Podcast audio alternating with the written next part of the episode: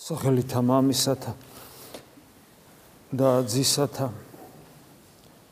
და სული საწმინდისათა. სულიერი ცხოვრების ერთ-ერთი მახასიათებელი არის ის, რომ მუდმივად ცდილობდეთ ჩვენი რწმენის კორექტირებას, გასწორებას იმ გზაზედ, რომელსაც ვადგავართ, რომელსაც ქვია იესო ქრისტე, რათა რათა ვიპოვოთ ის ვიწრო კარიბჭე, რომელსაც როგორც თავად უფალი ამბობს, ბევრი ეძებს და ცოტა პოულობს. არ მოუტყვილდეთ აა ჩვენი რელიგიურობით და მით უმეტეს არ მოუტყულდეთ ჩვენი მიერ გაკეთებული სიკეთეებით და გარკვეული საქმეებით. ქრისტიანულ წმენაში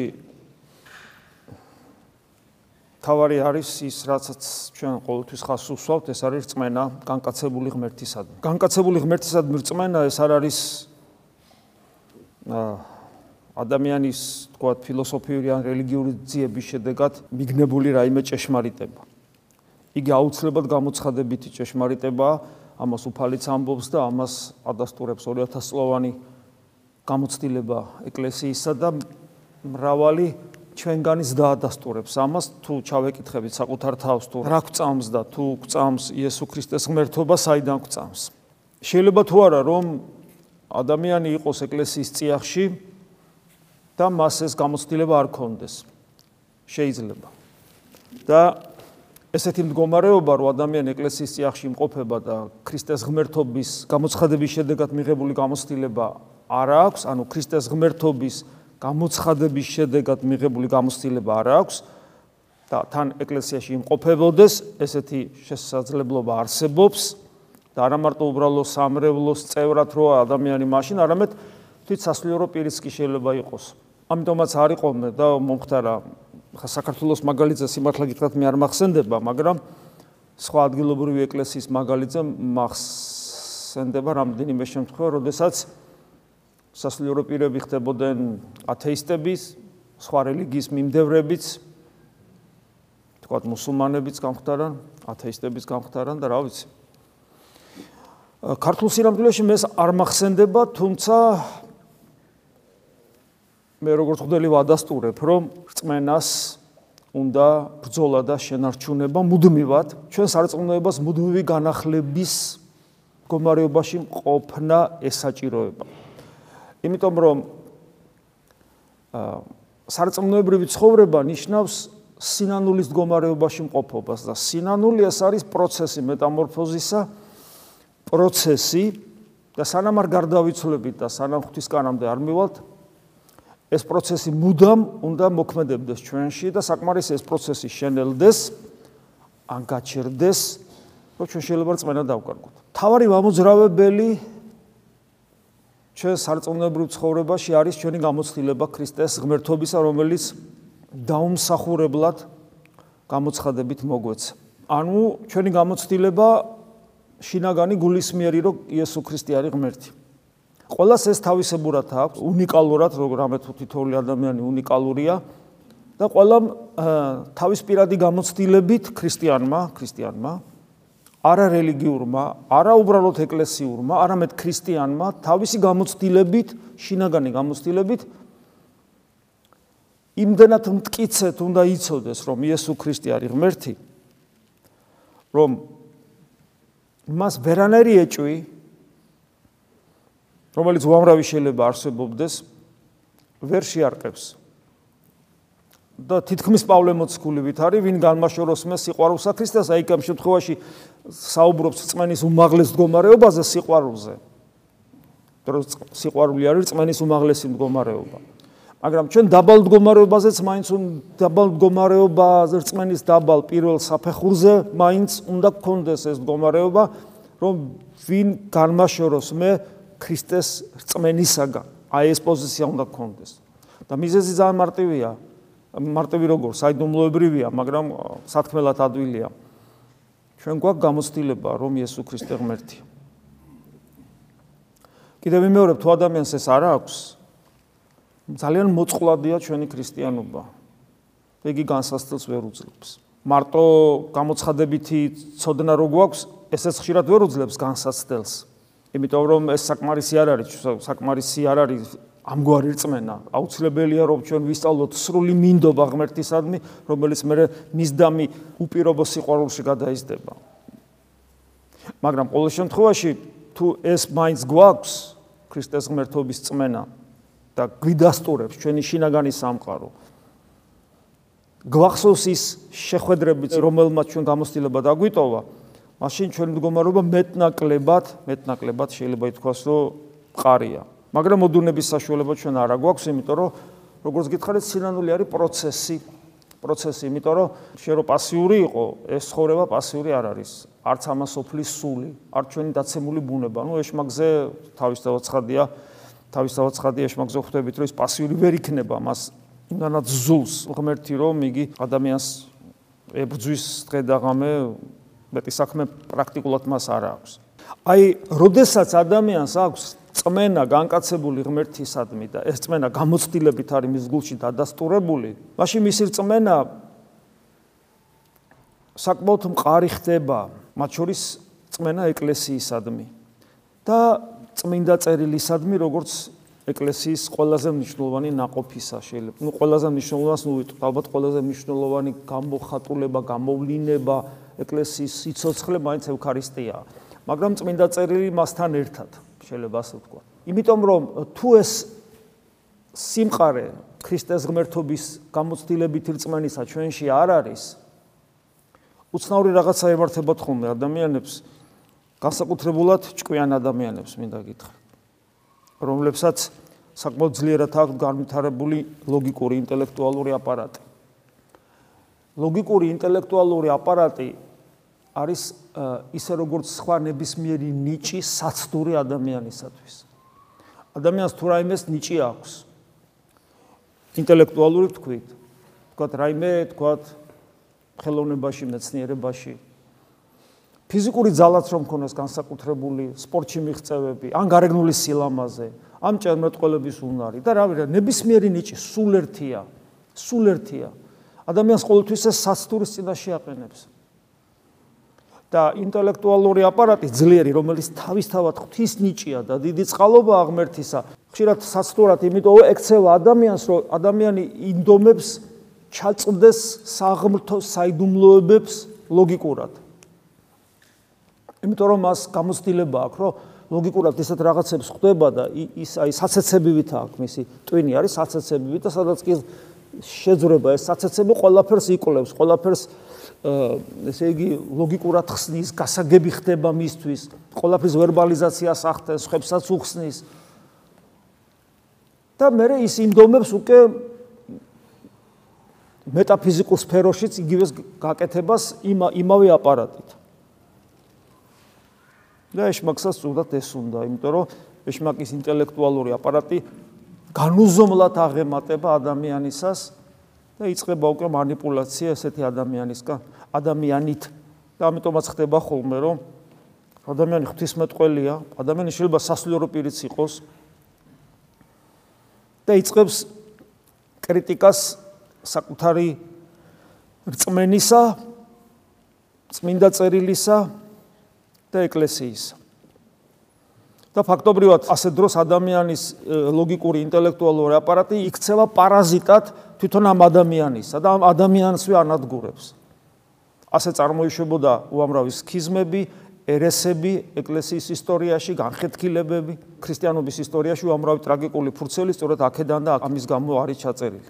არადა ქრისტიანს, როდესაც აქვს წმენა მყარად, ეს წმენა მას აძლევს ერთ-ერთი ყველაზე მნიშვნელოვანი, რასაც აძლევს, აძლევს იმას, რისკენაც ყველა ადამიანი მიისწრაფვის.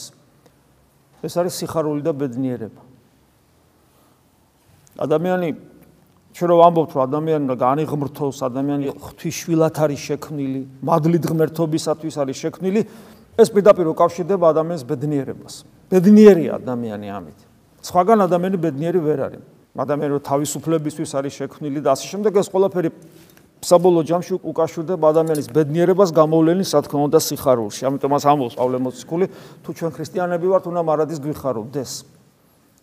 და აი თუ ჩვენი რწმენა ყარია და ვერ არყევს მას ვერაფერი, იმიტომ რომ ჩვენ გვაქვს გამოცდილებითი რწმენა, რომ იესო ქრისტე ღმერთია და აქედან გამომდინარე რწმენა გვაძლევს საშუალებას, რომ ვენდოთ მას, ვენდოთ უფალს. რას ნიშნავს რას ნიშნავს უფალს ვენდოთ? ეს ნიშნავს იმას, რომ ვენდოთ წმინდა წერილს და ვენდოთ ეკლესიას. და გქონდეს სიბრძნე დავინახოთ, ჩავწუდეთ წმინდა წერილის საიდუმლოებებს და კონდეს სიბზნე დავინახოთ, ჭრეტელობით დავინახოთ, იმიტომ რომ ფიზიკური თვალით ეს ნაკლე არ აჩანს, ჭრეტელობითი ხედვით დავინახოთ ეკლესიის არსი, როგორც ქრისტეს მისტიკური შეეულისა, რომელიც არის სვეტი და სიმტკიცე ჭეშმარიტებისა, როგორც პავლე მოციქული ამბობს. თუ ადამიანი აი ამ პოზიციაში არის გამყარებული, მას აქვს მუდმივად სიხარული, იმიტომ რომ შეუძლებელია არ კონდეს სიხარული, იმიტომ რომ სიხარული ეს არის ღვთისშვილად მყოფობის მდგომარეობა და ადამიანს ასე დროს როგორც თავახასიათეთ ადამიანი ასე დროს ღვთისშვილობის მდგომარეობის განცდა აქვს.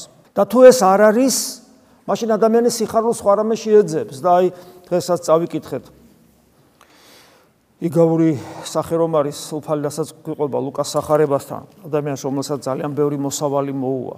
და პირველი რაც ქონდა მას თქვა სულსა ჩემსა სულო გაქუს მრავალი კეთილი დაუნჯებული მრავალთა წელთა განისვენე ჭამე სუდა იხარე აი ეს სიხარული სიხარული არა ქრისტეს მიერი სიხარული რომელიც ამ ადამიანს ახარებს. ეს არა ქრისტეს მიერი სიხარული არის მომაკვდინებელი სიხარული. ეს შხამია. როცა გვიხარია მაგრამ ეს სიხარული არ არის ქრისტეს მიერი. არ არის ღვთაებრივი. და ჩანს კიდევაც ამ იგაურ სახეში როგორ გძელდება ეს გახსოვთ ქვამას ღმერთმა ამას ხო უხარია? ხო უხარია გასაგებია რომ იქ შეიძლება თქვათ რომ აი მომ გამდიდრდა იმაზე კი არის ფიქრა რომ სიკეთე გააკეთოს და რაღაც. ეგ ცალკე თემაა კიდე ნუ რა თქმა უნდა ეს ესე შეიძლება ვთქვათ ხო რომ გამდიდი შედალოცილო რამდენი გაჭირებულია იმაზე იფიქრე იმ წამს მხოლოდ საკუთარ თავზე ეგოისტურად ფიქრობ. მე ვფიქრობ მაინც რომ აქ ამ შემთხვევაში მთავარი პრობლემა მაინც არ არის არა ის რომ მას ქველმოქმედება იმ მომენტში არ გაახსენდა. არამედ მთავარი პრობლემა ის არის რომ მას მიწიერი სიხარულს გორდა არაფერი აღარ ახსოვს. აღარაფერი აღარ ახსოვს თორე. რო გამოძღებოდა უკაცრავად ამ სიტყვაზე შეიძლება ქოლმოქმედიც ყოფილიყო გამძღარი კაცისათვის ქოლმოქმედება ადვილია.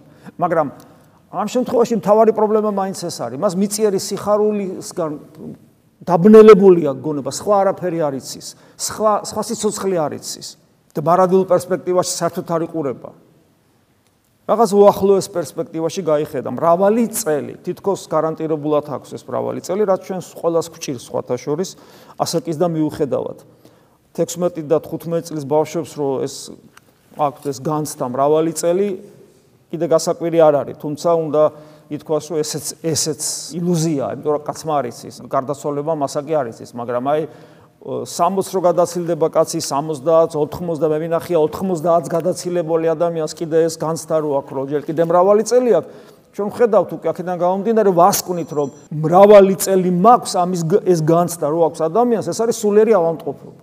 თორე ადამიანმა არ იცის რამდენი წელი კი არა რამდენი წუთი აქვს ისიც არ იცის და აი ღმერთი ეუბნება მას. უგუნურო ამას ღამესა მიგიღონ სული შენი შენგან დეგე რომელი მოიმზადე ვისა იყოს. ეს სიტყვა უგუნურო ძალიან საინტერესოა მე კიდე შეხვდებით ქვემოთ ამონარიჩიც უკვე ეფესელთა მიმართ ეპისტოლედან პავლე მოციქულისა ზოგადად უგუნური გახსოვთ ფსალმუში არის ეს სიტყვები. თქვა უგუნურმა გულსაშინათვისა არ არის ღმერთი და უგუნურობა უგუნურობა. როგორც განმარტავენ ფსალმუნის ამადგილს წმინდა მამები ეს უგუნურობა გამოწვეულია არა ინტელექტუალური აზროვნების დეფიციტით ან ინტელექტუალური სიბეცით არამედ ეს არის უგუნურობა რომელიც გამოწვეულია ადამიანის უზნეო ცხოვრებით ან უზნეო ცხოვრებამ მას ინტელექტუალური პრობლემა კი არ შეუქმნა. ეს არის როცა სამყაროს ხედავ მარტო თქვა რაღაც ლოგიკური აპარატით და მთლიანად ფსიქოემოციურად ვერ ხედავ სამყაროს ლოგიკური აპარატითაც, ემოციურით, ემოციურ გზნობითაც, სინდისითაც, მთლიანობაში.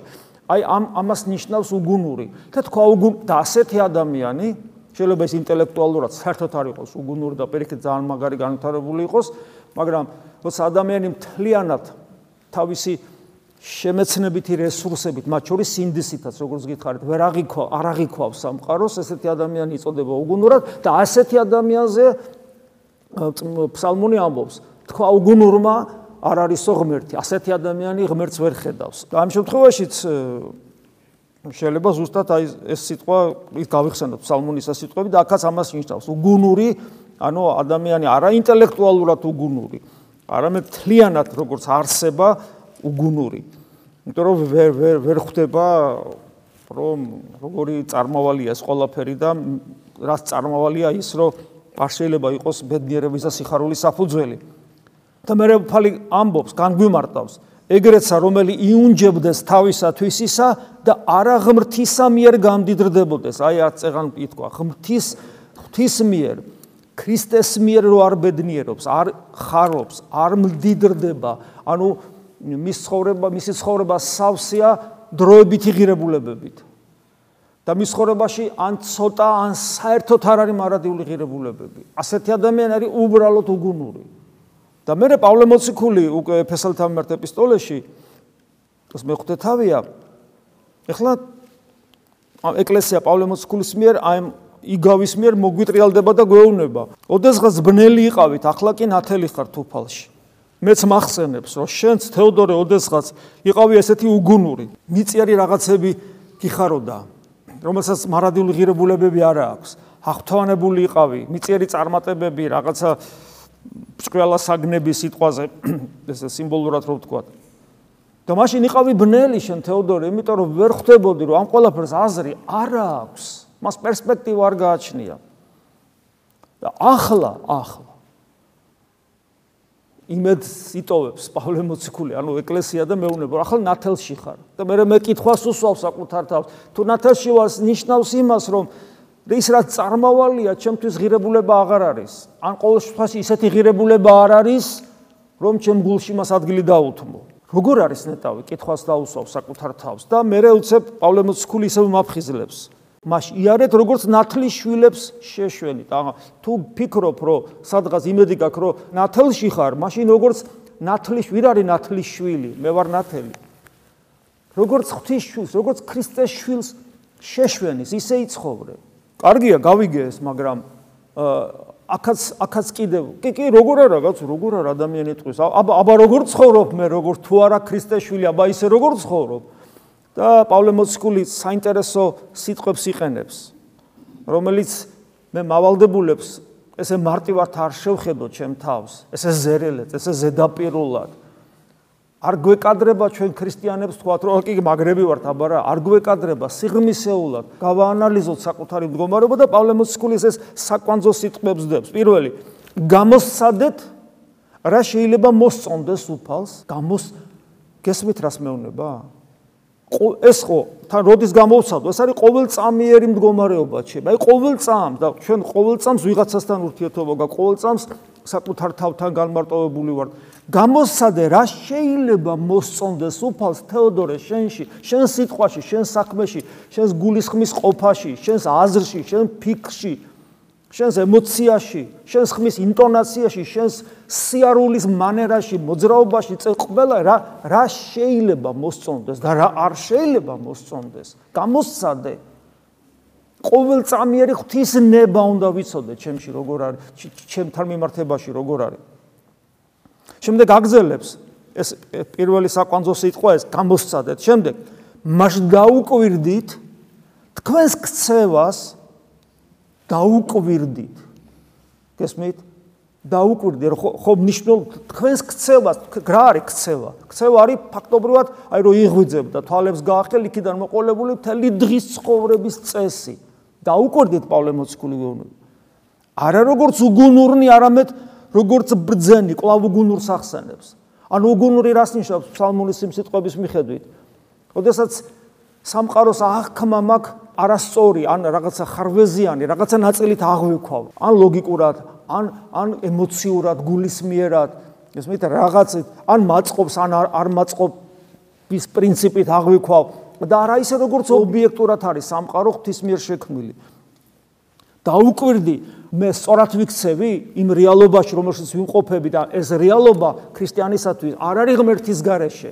ღმერთი უყურებს ამ ყველაფერს. და არ უგუნურივით არ მოიქცი, არამედ როგორც ბრძენი და სიბრძნე ეს არის საფრთხოთვისება, ქრისტეს ერთ-ერთი სახელი, სიტყვა არის ასევე ქრისტე ღვთის სახელი, ხო? ქრისტე ძეღვთისა, ძეკაცისა, სხვადასხვა სახელებია ქრისტეს, სიტყვა უფლისა ვთქვი და ერთ-ერთი სახელი არის სიბრძნე. ესე იგი მეორე საკვანძო სიტყვა დაუკვირდით. შემდეგ მესამე გაუფრთხილდით დროს ეს მე მესამე საკვანძო სიტყვა.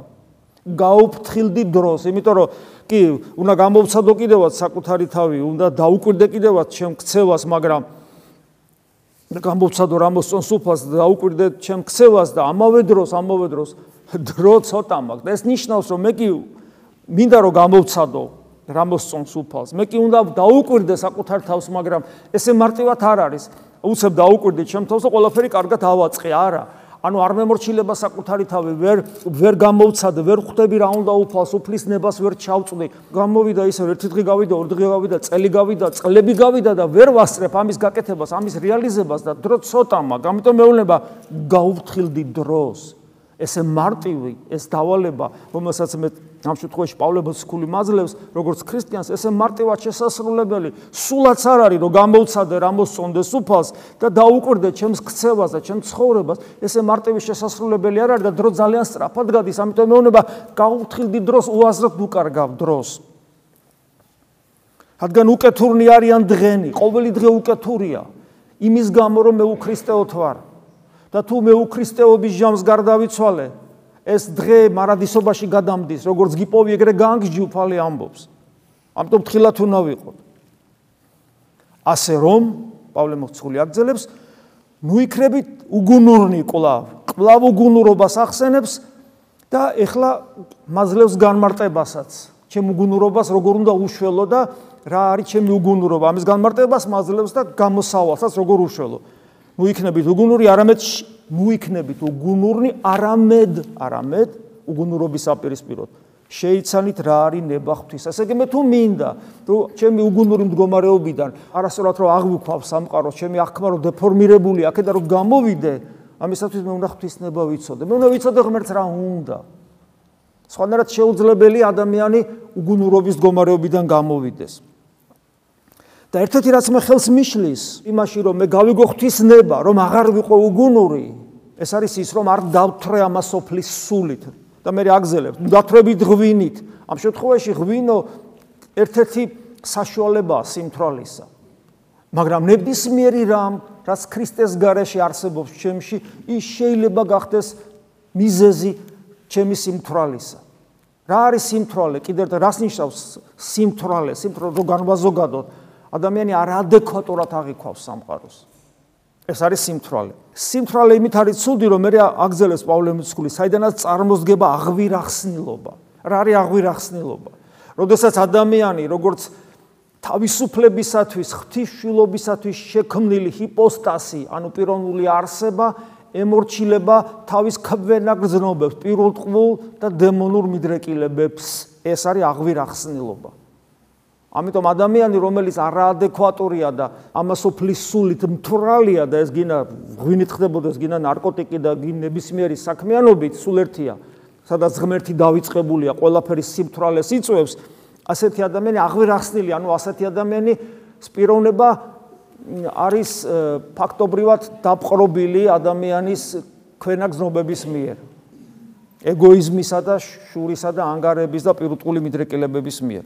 ამის სანაცვლოდ ამის სანაცვლოდ აღივსეთ სულით ანუ საფრთხომადლით ფსალმუნებით საგალობლებით და სულიერი გალობით ფაქტობრივად ესაუბრეთ ერთმანეთს და თქვენი გულებით უგალობეთ უფალს ღვთის ტაძრები იყავით სადაც ღმერთი ცხოვრობს. ქრისტეს შიში ხმორჩილებდით ერთმანეთს ანუ ერთმანეთს ქრისტეს თვალებით უყურებდეთ ამას ნიშნავს და მარაჯამს მადლს წირავდეთ ყველაფრისათვის ღმერთს და ამას ჩვენს უფალი იესო ქრისტეს სახელით. ანუ მადლიერებით იცხოვრე და მადლიერებით ცხოვრები ადამიანი პრინციპში უკვე ბედნიერი ადამიანი რომელიც მადლიერებით ცხოვრობს, იგი ბედნიერია, იმიტომ რომ არ არსებობს რაიმე ისეთი თვით გარდაცვალებაც სიკვდილის კი, რომელიც მას სიხარულს წაართმევს.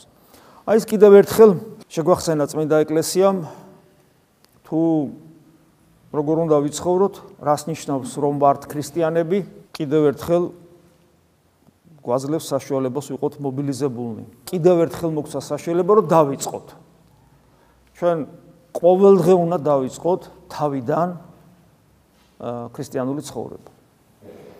შეგვეციო სუფალი ამენ. მადლი უფლისა ჩვენისა იესო ქრისტესი და სიყვარული ღვთისა და მამისა და ზიარება სული საწმინდისა იყოს თქვენ ყოველთა თანა. ამინ.